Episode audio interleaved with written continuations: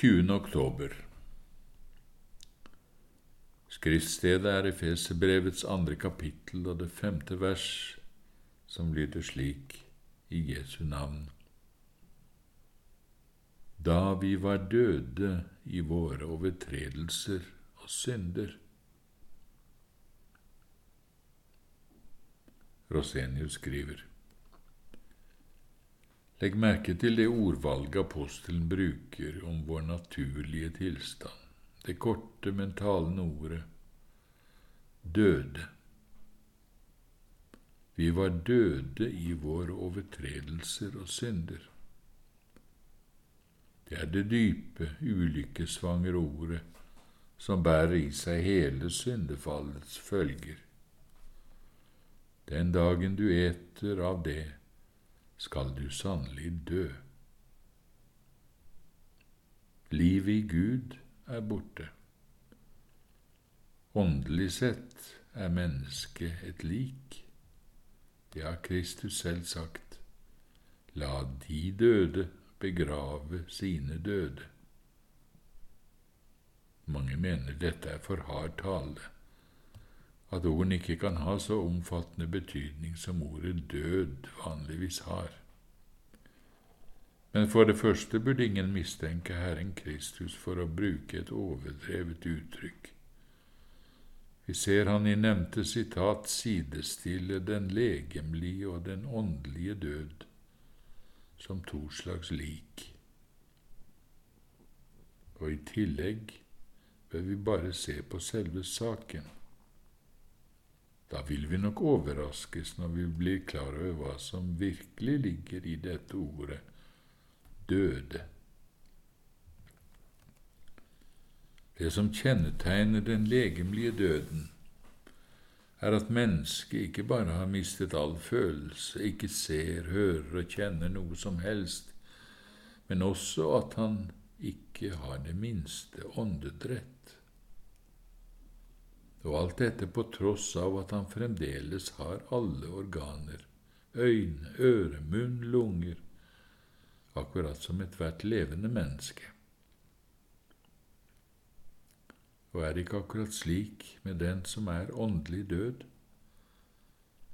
Han kan ha alle de ytre sansene, friske og aktive, kan ha en klar forstand, et følsomt hjerte, stor kunnskap, høy moral, vakre ord, vakre gjerninger. Men livet i Kristus, åndedrettet, det er dette han mangler. Han er ikke forenet med Gud. Han mangler trangen og tørsten etter Gud, etter Hans vilje, Hans ord, Hans nåde. Han ser, hører, tenker og kjenner sterkt alt som er jordisk og sanselig, men han har ikke sans for noe av det som har med Guds hellige ånd å gjøre. Det skal vi nå se noen bevis på. Han leser og hører og forstår og tror nok på en måte Guds ord, men han kan for eksempel lese og høre Guds klare dommer over sitt eget liv og fremdeles være like uberørt. Han leser og hører om Guds rike, Guds nåde og Guds vennskap, om det salige samfunnet med Gud. Men hos han vekker det ikke det minste lengt etter dette, akkurat som et lik hvor det ikke lenger er noe som helst åndedrett. Hjertet hans er fylt opp med avguder, med jordiske og unyttige ting, med hva vi skal ete, hva vi skal drikke, hva vi skal kle oss med, hva vi kan oppleve, se, høre og nyte. Men Gud, Gud, hva Gud vil, det tenker han ikke på. Og legg altså merke til at han har en viss tro på at Guds ord er sant har kanskje aldri tvilt på det, har altså et visst indre vitnesbyrd om dette.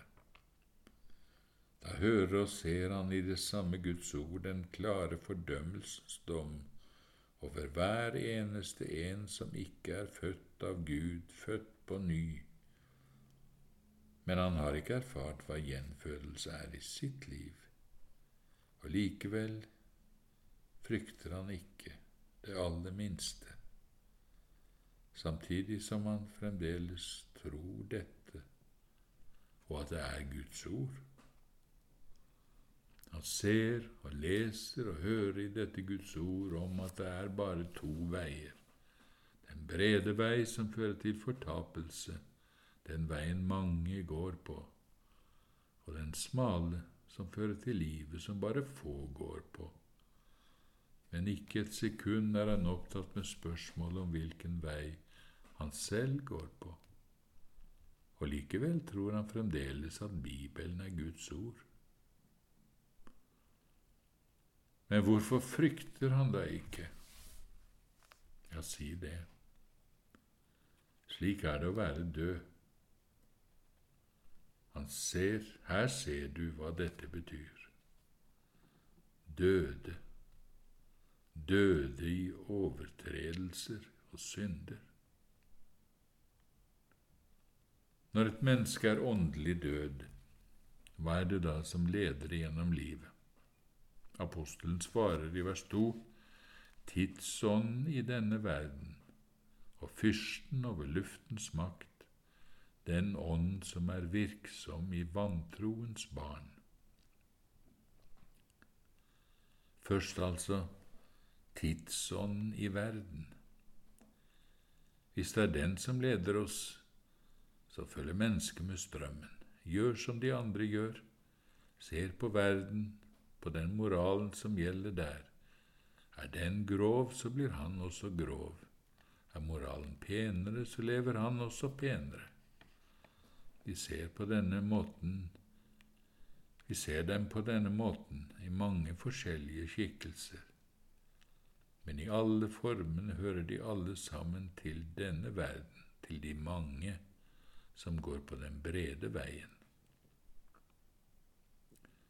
Er så verden sin egen herre? Har den egentlig styringen med seg selv? Nei, sier apostelen. Verdens løp bestemmes av fyrsten over luftens mark. Makt. Kristus kaller ham også for denne verdens fyrste, og Herren vil heller ikke i dette utsagnet bli ansett som en løgner. Vi må aldri glemme at det bare er to åndelige riker og to fyrster som kjemper om menneskesjelene.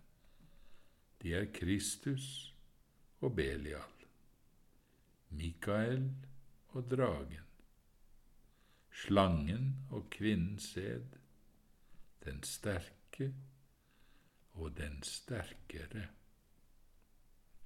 Mikael og englene hans kjempet mot dragen, og dragen og englene hans kjempet.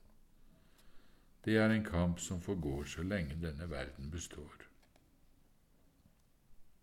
Regjeringsformen i mørkets rike er løgn og mord, bedrag, synd og død. Kristus sier at verdens fyrste er løgnens far og en manndraper fra begynnelsen. Og borgerne i dette riket er, i tillegg til de falne englene, alle vantro mennesker på jorden og i helvete.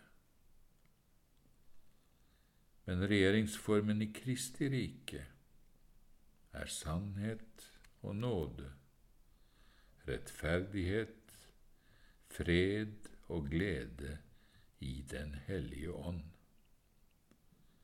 Skriften sier, Rettferdighet og rett er din trones grunnvoll. Nåde og sannhet går fram for ditt åsyn. Og borgen i det riket er, i tillegg til de gode englene, alle troende mennesker på jorden og i himmelen.